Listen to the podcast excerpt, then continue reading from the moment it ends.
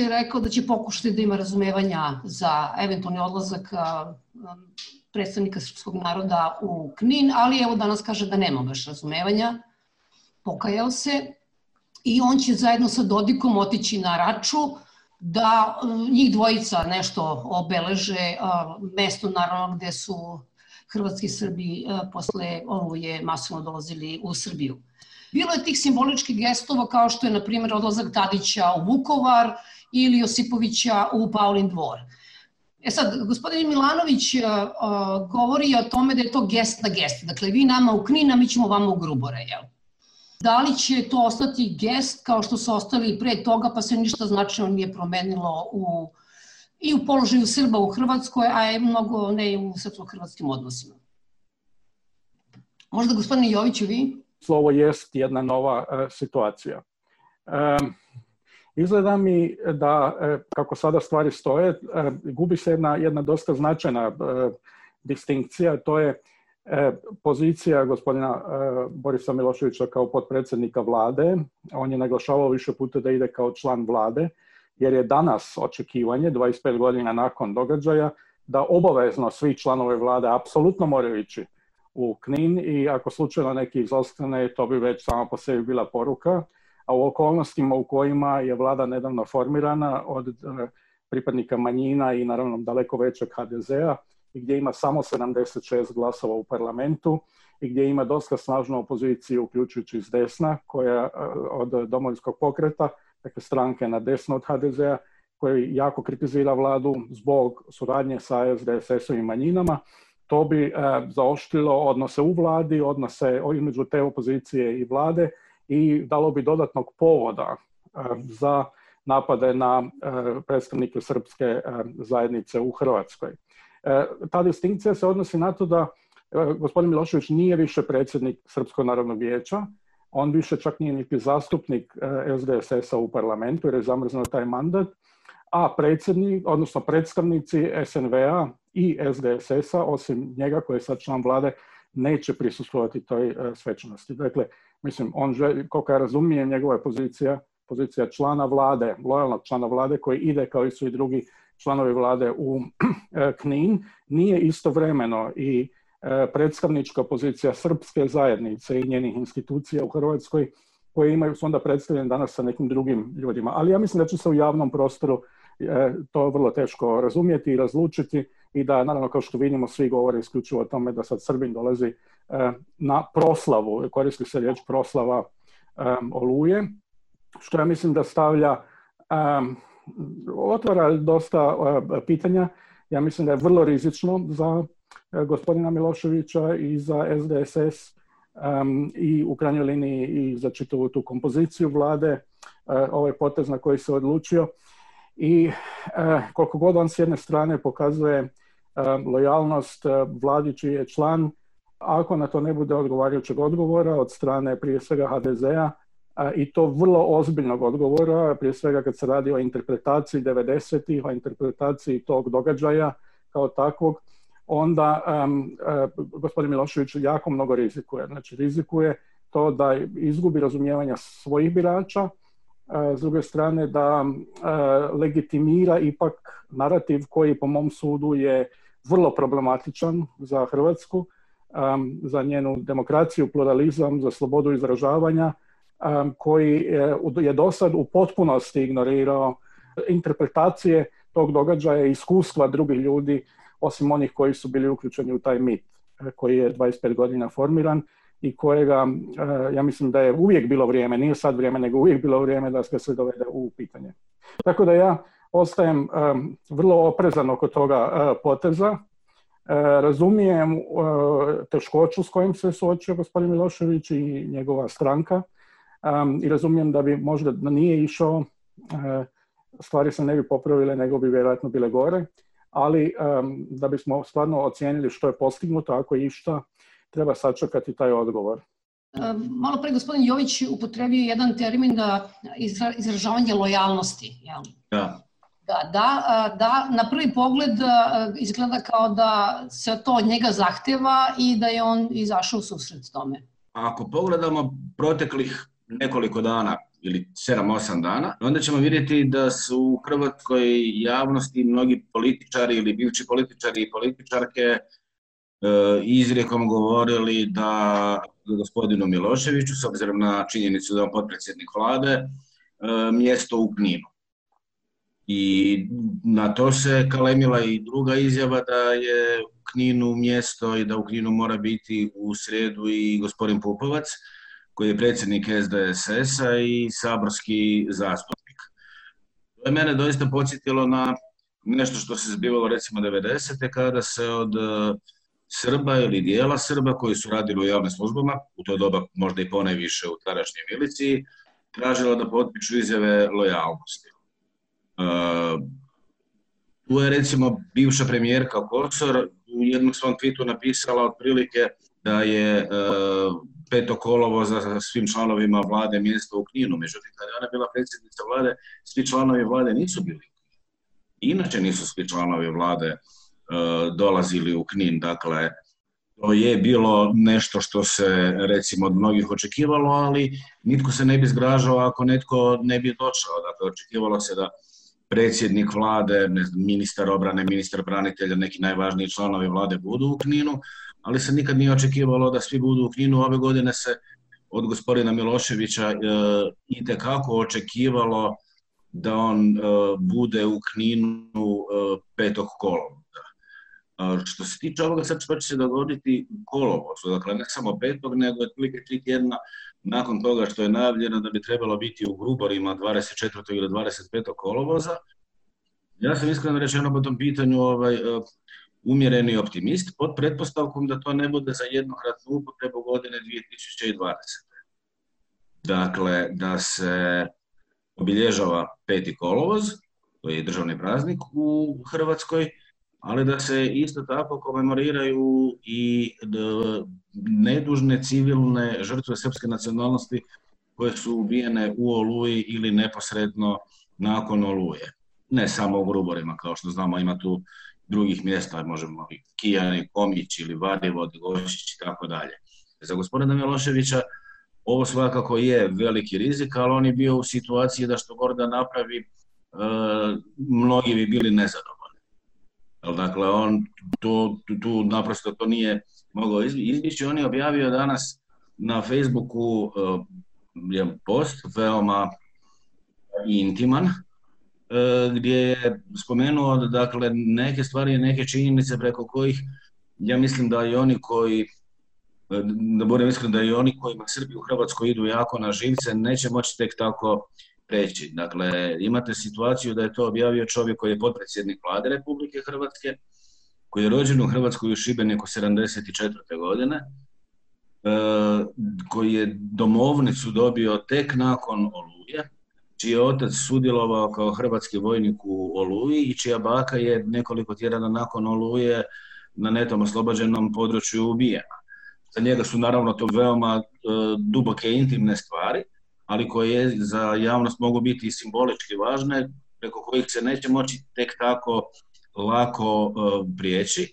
I vidjet ćemo što će se događati u buduće i e, nakon Grubora i sa pitanjem od za dom spremni pozdrava pa, pa nadalje u Hrvatskoj što i kako će se događati u sljedećih nekoliko godina. Ako bi se e, uspostavilo na samoj simboličkoj razini, a tu simboliku ne treba podcjenjivati, da se svake godine podsjeti na nedužne civilne žrtve, Srbe u Oluji nakon Oluje, mislim da bi to bio veliki korak i mi smo zapravo prije nekoliko dana doživjeli u Hrvatskoj nešto što je bilo gotovo nezamislivo donedavno, da predsjednik vlade gotovo u istoj rečenici spominje proslavu Oluje i nakon toga spominje e, srpske civilne žrtve u gruborima kojima se također orati portovanje.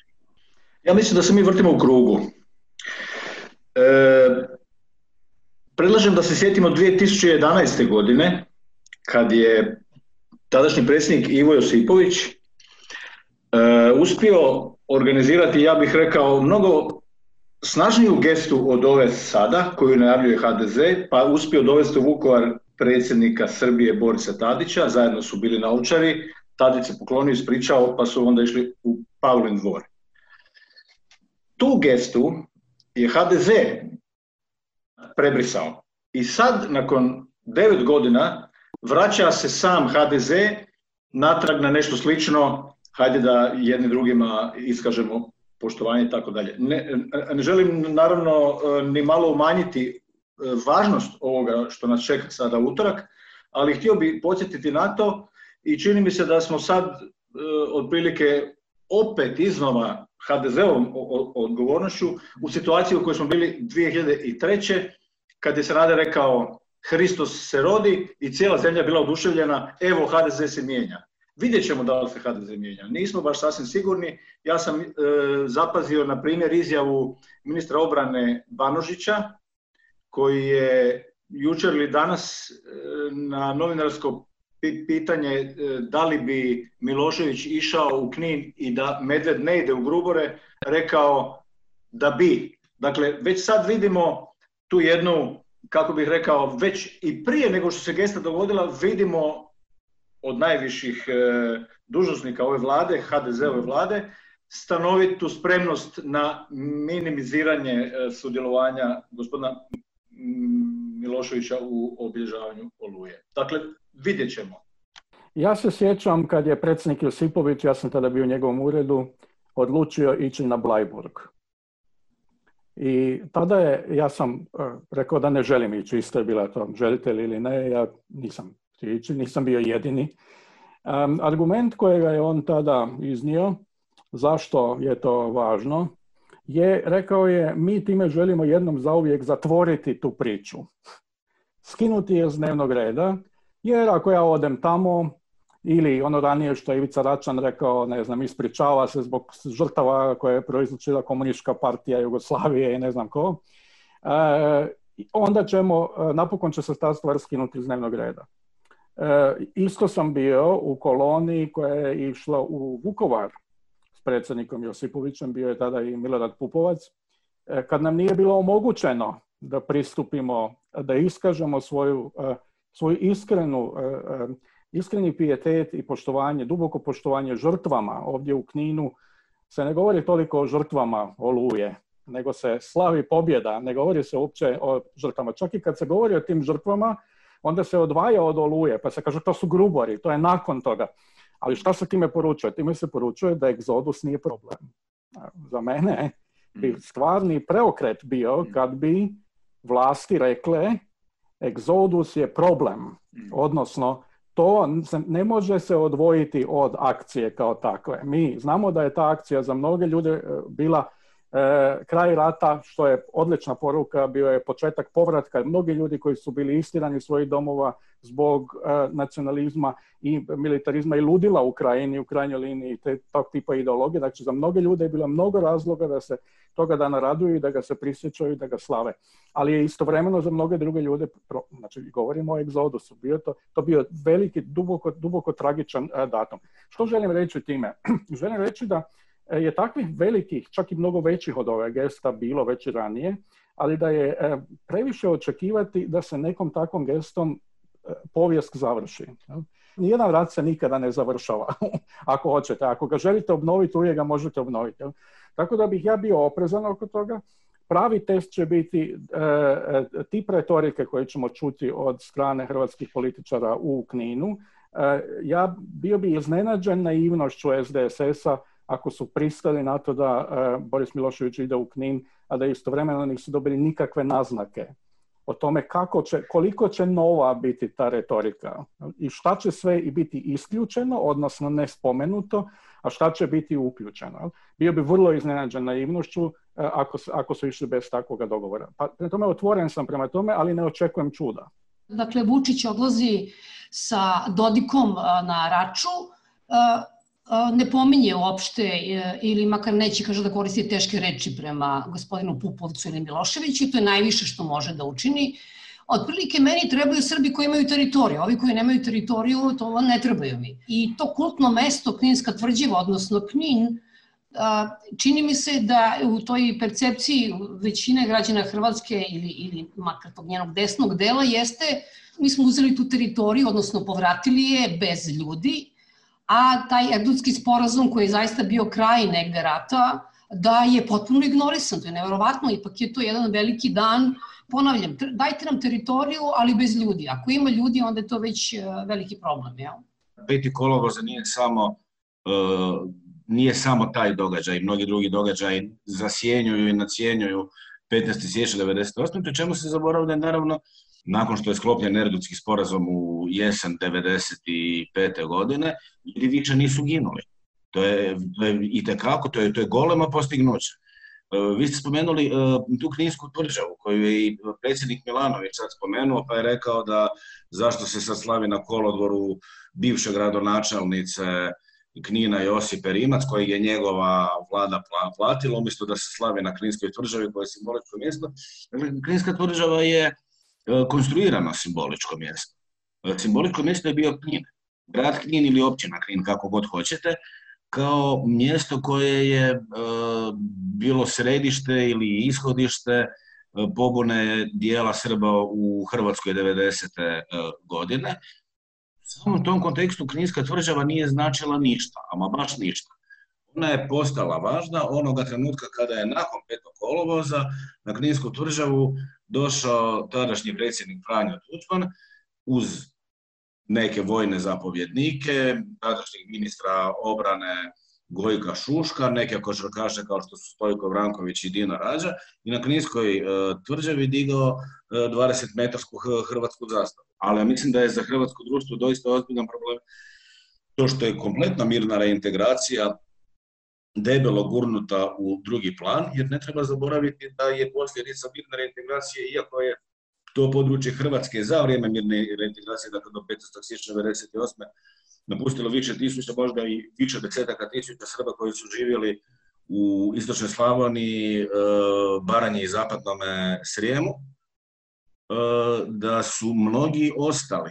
To dakle da nije bilo mirne reintegracije, mi danas ne bi raspravljali u Hrvatskoj kao što se raspravlja posljednjih nekoliko godina o Čirilici u Vukovaru i 33,8% Srba koliko ih je u udjelu stanovništva u Vukovaru, zato što bi tamo bilo da karikiram sve skupa pet i pol Srba, dakle otprilike možda malo više ili malo manje u odnosu na onaj broj koji je ostao na području RSK, odnosno e, Umpa sjevera i Umpa Juka govori se o tim simboličkim gestovima i ponovo kažemo svi tako je, ali da to je naravno ima značaj, vidjet ćemo koji značaj će imati, ali evo ja sam sam da e, videla e, tu vest e, da je bukvalno pre nekoliko dana ljudi koji su bili optuženi recimo za zločine u gruborima, da su oni oslobođeni. To što je pravosuđe, da to što su realni, tako da kažemo, odnosi prema zločinima, to se ništa ne menja. Znači, naši su nevini, naši su junaci i nema nikakvih optužbi. A sve ovo ostalo možemo da kažemo ponekad i da se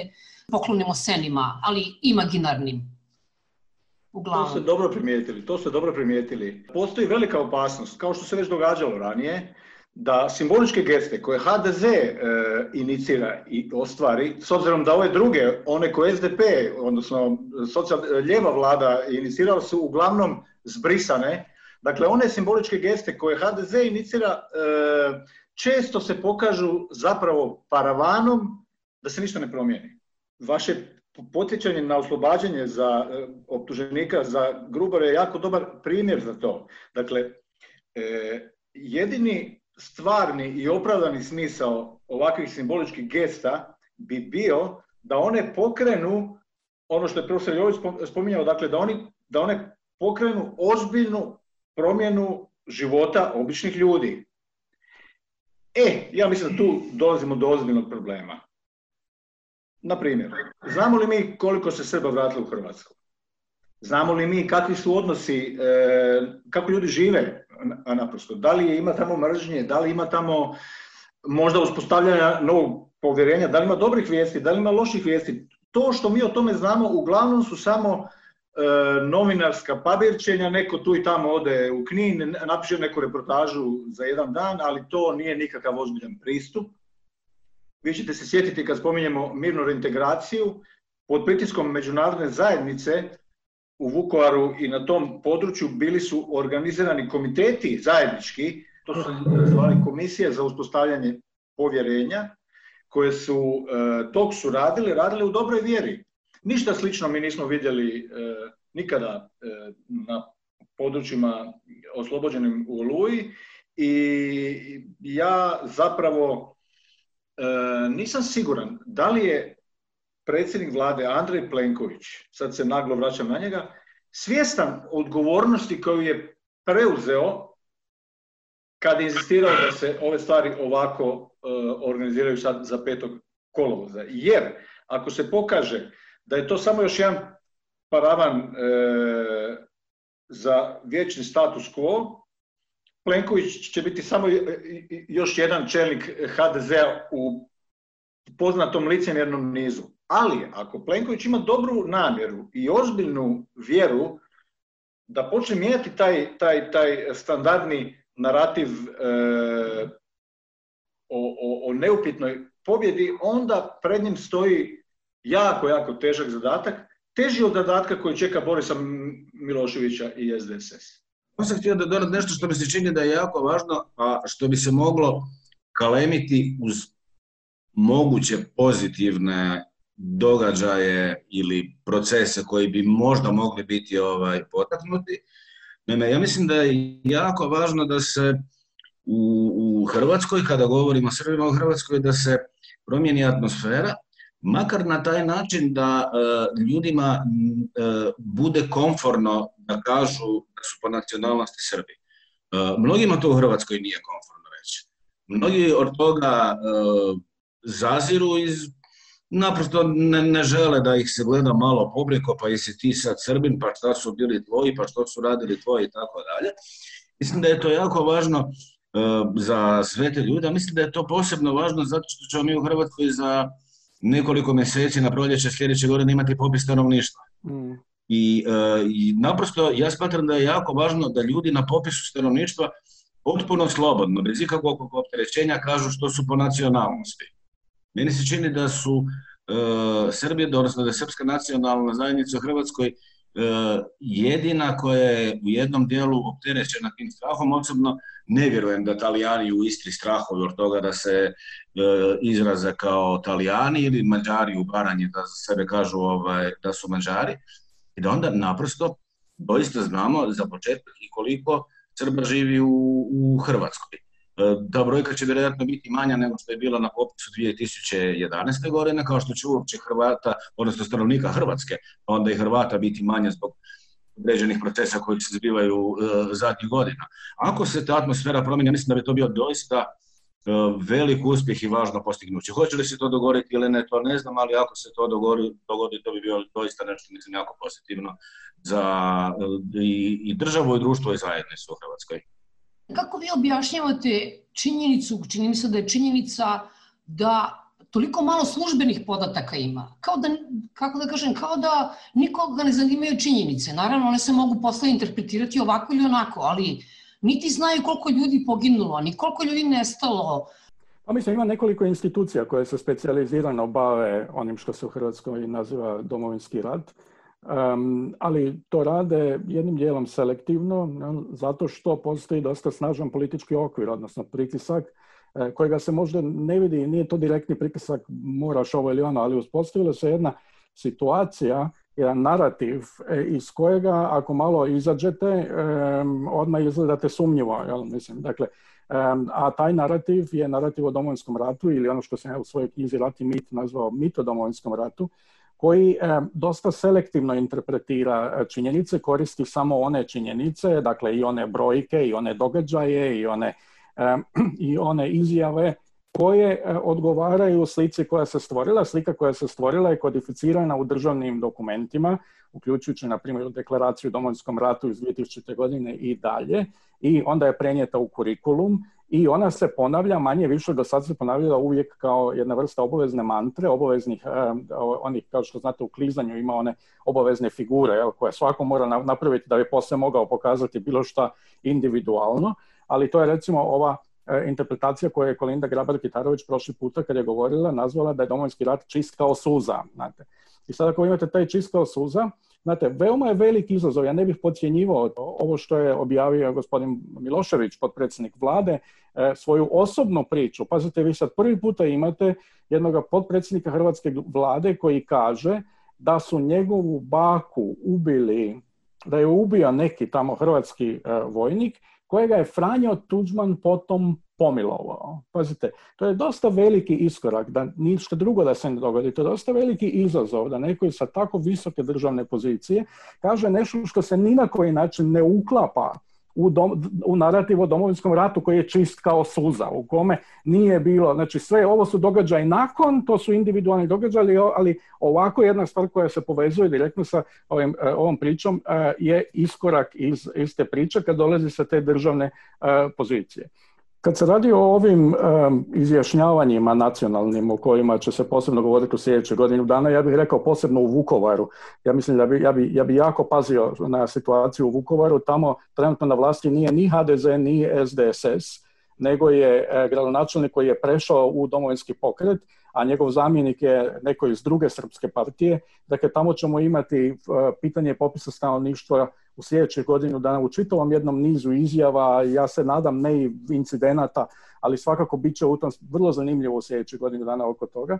Ali napomenuo bih dakle da nedavno je objavljeno jedno istraživanje sociološko pa se pokazalo da je 60% djece u osnovnim školama, čiji su roditelji Srbi, e, izrazilo da osjećaj nelagode zbog e, toga što su Srbi ili ako ih drugi vide kao Srbi što je posljedica toga što zapravo imate javni narativ koji dalje optužuje Srbe za agresiju i okupaciju. Znate, ako vi imate u školi da su to bili srpski agresori ili veliko srpski agresori, da je to bila srpska pobuna i drugo, naravno da ćete imati mladu, novu generaciju, ali i starije ljude koji će reći pa pokušat će sakret neki svoj identitet. Nažalost, Slobodan zajednica, je, kao što znamo, radio istraživanja u 90. s promjenama imena i prezimena. Danas se to ne događa tako drastično, ali se događa recimo u okljevanju ljudi da čak i ako to žele glasaju, na primjer, u 12. posebnoj izbornoj jedinici zato što moraju se identificirati na biračkom mjestu kao Srbi ili kao pripadnici neke druge etničke zajednice, tu se sad prvenstveno radi o Srbima. Recimo, na europskim izborima SDSS je dobio 29,5 tisuća glasova.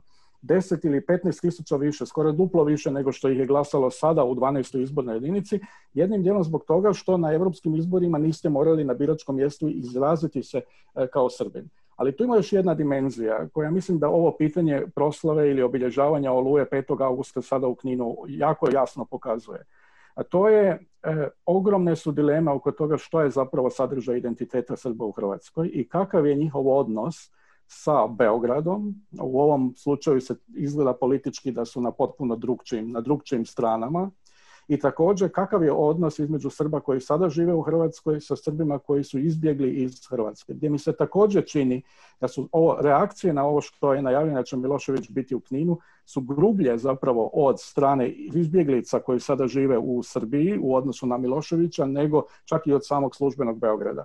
Tako da, meni je to kao politologu zanimljivo, jer pokazuje da nacija nije neka jedinstvena zajednica ujedinjena u jednom u jednoj ideji i u jednom osjećaju i jednom političkom stavu, nego da je izrazito pluralistično zato što proizlazi iz različitih iskustava. Koliko sam ja videla, negdje, više od 100.000 Srba se vratilo ovaj, u Hrvatsku. Koliko sam videla, većina njih je, nije ni ostala tamo, jel da, nego je se vratila ili u Srbiju ili otišla u treće zemlje. I prosto sam htjela da vas zamolim da i da pobrojite, osim naravno pitanje bezbednosti, a, šta su to a problemi koji su i one koji bi žele da se vrate, zapravo ih odvraćaju, jer se ne osjećaju dobrodošlima u Hrvatskoj. A pa to je s godinama, ja mislim, posao, kako bih rekao, mnogo kompleksniji problem nego što je bio čak i neposredno nakon oluje, samo naravno pod uvjetom da je atmosfera bila drugčija. Dakle, ovo što kažete, izrazi su nove generacije, to su mladi ljudi koji čiji su roditelji otišli, ako ne već možda čak i, i, i i djedovi otišli iz 95. iz Hrvatske i oni, ja sam nekoliko puta u Srbiji sretao ljude koji o Hrvatskoj govore kao kad mi govorimo o Americi, mislim, to je nama šokantno koji smo živjeli u toj istoj zemlji, oni o, o Hrvatskoj imaju nerealnu sliku, ne zato što ne bi želi znati, nego zato što ne mogu znati, nisu nikad bili ovdje i tako dalje i onda je naravno u takvoj atmosferi vrlo moguće da se stvaraju najrazličitije vrste iluzija, strahova, neizvjesnosti i tako dalje.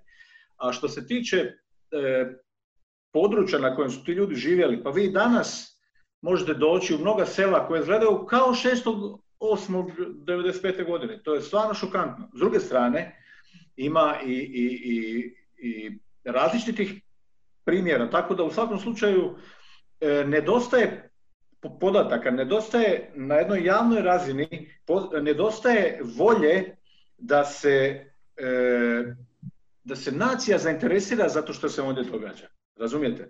Ne, a, ja e, smatram da te volje nedostaje upravo zbog te nelagode da se govori, da se slobodno govori o, o, tome šta se u, u kolovozu 95. dogodilo, jer kad imate jedan jedno obavezno tumačenje, ono što je profesor u svojoj knjizi nazvao etnototalitarizam svakodnevice. Dakle, kad vi morate nešto ispovijedati, onda tu nema slobodnog razgovora. I vratit ću se jedan čas na ovo što je rekao Tihomir, a vezano je uz ovo. Naravno, važno bi bilo da ljudi imaju slobodu da se izjašnjavaju kao Srbi. Ali ne samo to nego bi bilo važno da se oni izjašnjavaju kao Srbi i da govore slobodno o svemu, da interpretiraju stvari u skladu sa tim svojim osjećajem, pa šta god to značilo. Jer jedno je, ne znam, organizirati oružanu pobunu, a drugo je reći ja sam Srbin i mislim da je Oluja bila e, to, to, to i to. I zato mi se čini važno moja rečenica iz današnje Facebook ispovjedi gospodina Miloševića koji je tamo napisao, ako se dobro sjećam, da, Oluja je bila i pobjeda, ali ona u isto vrijeme i etničko čišćenje. Dakle, nemamo podataka, nemamo uvid, a nemamo ih zato što za to nema volje. Ako mogu nešto oko podataka i izbjegličke kolone i uopće ovaj broja Srba u, Hrvatskoj. Dakle, mnogo toga se fokusira na, na kolovoz i na izbjegličku kolonu. Ali imate dakle e, dvije brojke. Jedna je brojka iz 1991. godine koja kaže da je u Hrvatskoj živjelo 580 tisuća Srba.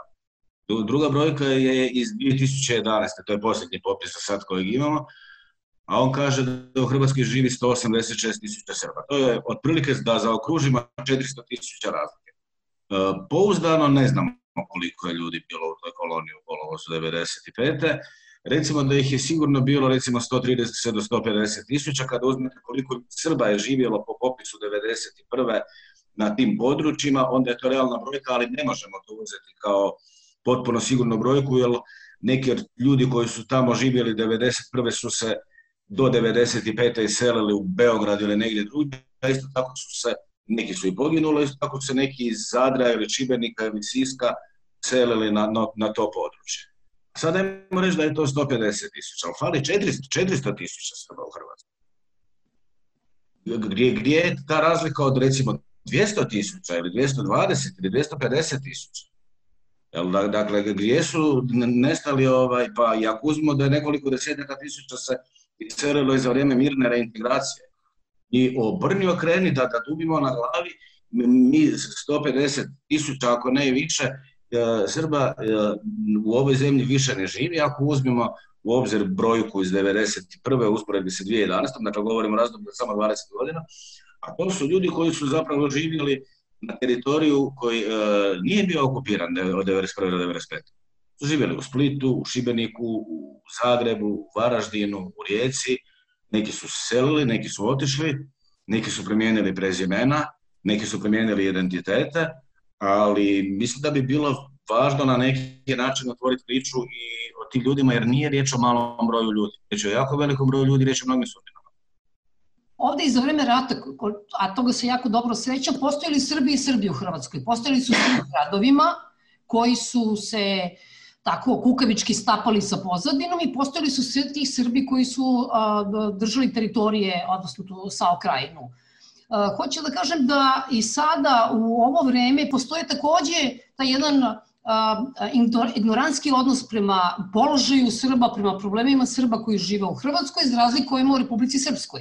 Ovdje, kad se kaže Srbi, kad kažu mlađi ljudi, preko Dinarske Srbi, to je Republika Srpska. To je nekako identifikacija, a ovo je, nije naš problem, otprilike, jel? E sad, to je zanimljivo pitanje koje ste otvorili. E, ne treba zaboraviti da se e, Oluja, a onda i cijela ta epizoda toga rata iz 90. godina i u Srbiji i u stvaranju srpskog nacionalnog identiteta koristi da bi se formirao mit o e, žrtvi prije svega. Tu nema elementa pobjede. U Hrvatskoj je taj mit ima dva aspekta, pobjede i žrtva. Žrtva se obilježava u Vukovaru, a pobjeda u Kninu. Ali kad se radi o srpskom identitetu, tu se radi o žrtvi. I e, taj 5. E, e, august koji sad svake godine ima na drugom mjestu, koji je sada proglašen danom, nacionalnim danom sećanja jel tako na žrtve oluje, da će biti ove godine u Rači. On iz godine u godinu također služi da se pošalje poruka i oblikuje identitet Srba i Srbije.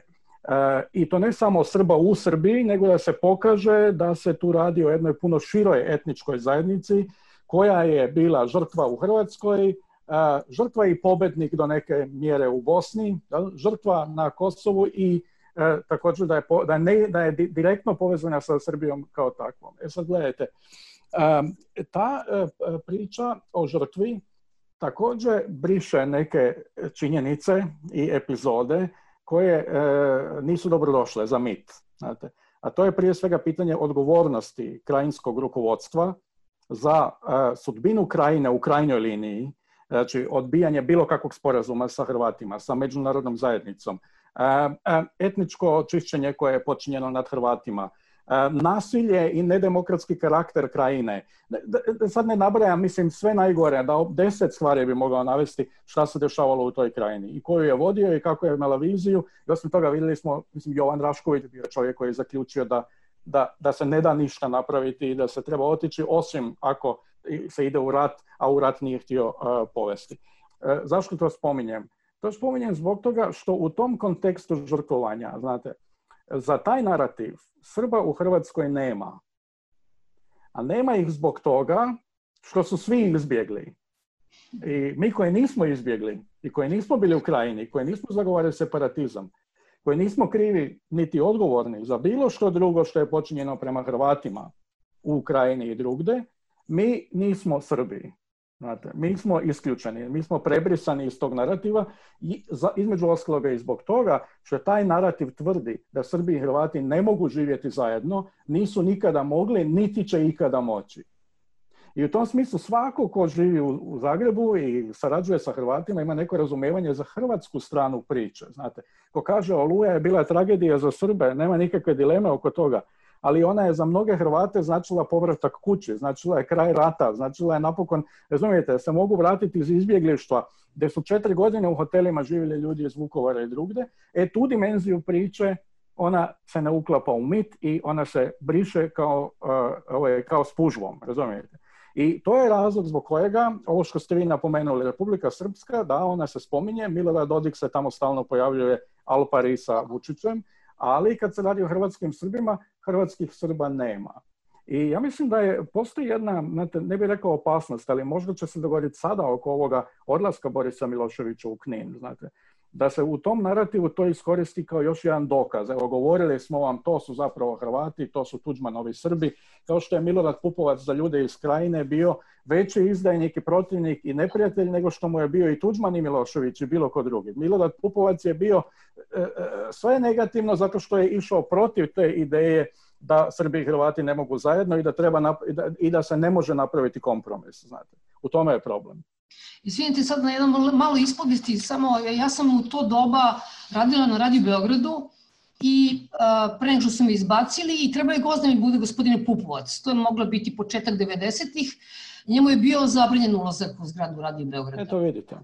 Zato što su, znate, jer, jer neko ko tvrdi da je ipak moguće napraviti neki kompromis, znate, čak i u tim najtežim okolnostima i da je možda moguće nešto bolje napraviti, a ne samo divljački neki iluzorni, separatizam koji ne vodi nikamo, ne? koji odbija iz E4 plan i bilo kakve medijacije, bilo što drugo, razumijete, to, taj nije dobro došao paradoks situacije da zapravo mi danas imamo, u tom smislu mi zapravo imamo različite interese, ja bih rekao, Srba u Hrvatskoj, koji sad žive u Hrvatskoj, i onih Srba koji su iz Hrvatske, i koji ne, se ne, ali koji se nažalost ne žele, ne žele vratiti, znate, u Hrvatsku. I ne žele čak ni glasati na listi za dijasporu. Oni bi mogli izabrati Srbi iz Hrvatske, bi mogli izabrati najmanje jednog zastupnika u Hrvatski parlament, kad bi to htjeli. Jer imaju pravo glasa, ako imaju hrvatske dokumente, imaju pravo glasa. Mogli bi imati svoga predstavnika u Saboru.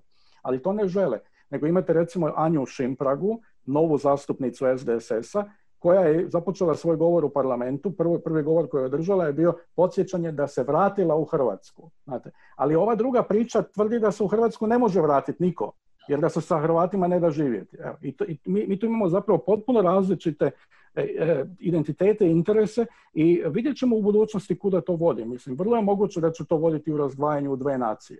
To, je, to nije uopće, uopće isključeno. Da li očekujete recimo od nove hrvatske vlade, od nove nove levice koja bi možda mogla da zameni socijaldemokratsku partiju koja očigledno se obrušava, da je to nekako može biti nada za neki malo veći iskorak? Ovaj, od e, nove ljevice, odnosno nove koalicije okupljene oko ove stranke možemo, E, tu se može i ne mora mnogo očekivati. Tu jesu ljudi koji se bavili ljudskim pravima u, svojim karijerama dosadašnjim, ali koji se zapravo nisu bavili, da tako kažem, tim ljudskim pravima.